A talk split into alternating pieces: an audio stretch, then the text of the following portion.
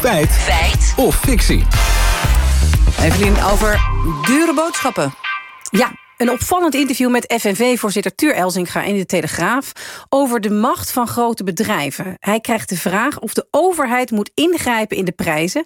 En dan zegt hij het volgende. Er bestaat een prijzenwet, dus juridisch kan het. Bij energieprijzen kan het makkelijker dan bij de prijzen van boodschappen. Maar het kabinet moet op zijn minst kunnen dreigen... met een ingreep in de prijzen. Dus er is een prijzenwet uh, waarmee de overheid prijsverhogingen kan, kan tegengaan, kan dempen. Ja, ja. volgens Elzinga wel. En ik was benieuwd hoe dat zat, dus heb ik gebeld met Arnoud Boot... hoogleraar economie aan de Universiteit van Amsterdam.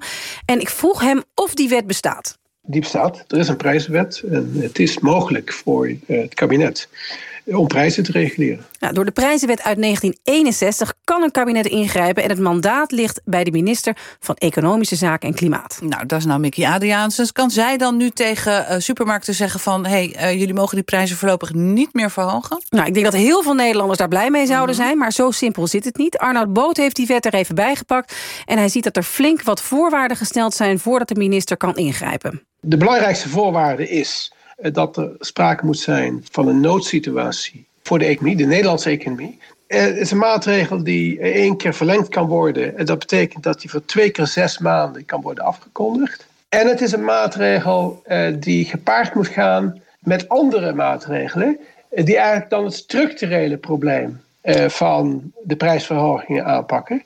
Dus het is uh, twee keer zes maanden, gepaard gaande met andere maatregelen. En het moet betrekking hebben op een noodsituatie. Nou, allerlei voorwaarden die je eerst af moet vinken. Ja. Maar uh, is die wet dan ook in de praktijk ooit echt gebruikt? Emeritus hoogleraar economische geschiedenis, Jan Luiten van Zanden...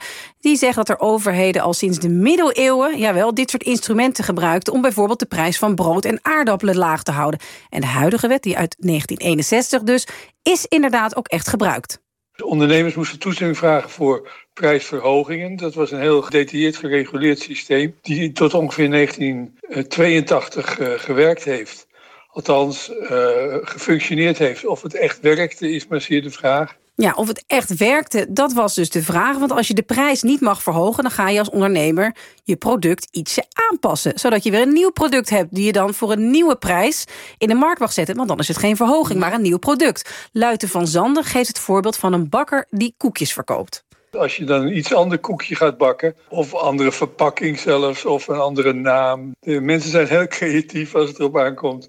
om dat soort uh, wetgeving te ontlopen. Hmm, en zou het dan nu haalbaar zijn om die prijzenwet te gebruiken... om boodschappen betaalbaar te houden? Nou, volgens Arnoud Boot niet. Er zijn veel te veel producten in de supermarkt. Het is praktisch onmogelijk om al die, om al die prijzen te reguleren. Luiten van Zanden zegt... de wet zou wel gebruikt kunnen worden om... als er bijvoorbeeld een door oorlogen graantekort ontstaat... om de prijs van brood te reguleren. Maar verder heeft hij slecht nieuws voor de FNV.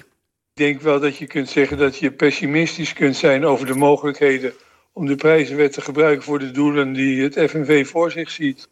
Oké, we gaan het samenvatten, Evelien. Hebben we nou een prijzenwet waarmee het kabinet kan ingrijpen... om te voorkomen dat boodschappen alsmaar duurder worden? Ja, die wet is er. Het is heel moeilijk, misschien zelfs onmogelijk... om dat nu op een goede manier in te voeren. Dus of dit de beste manier is om dalende koopkracht tegen te gaan... ja, daar lijkt het niet op. Maar de prijzenwet bestaat. En theoretisch kan de overheid dus inderdaad ingrijpen. Dus ja, dan is het een feit.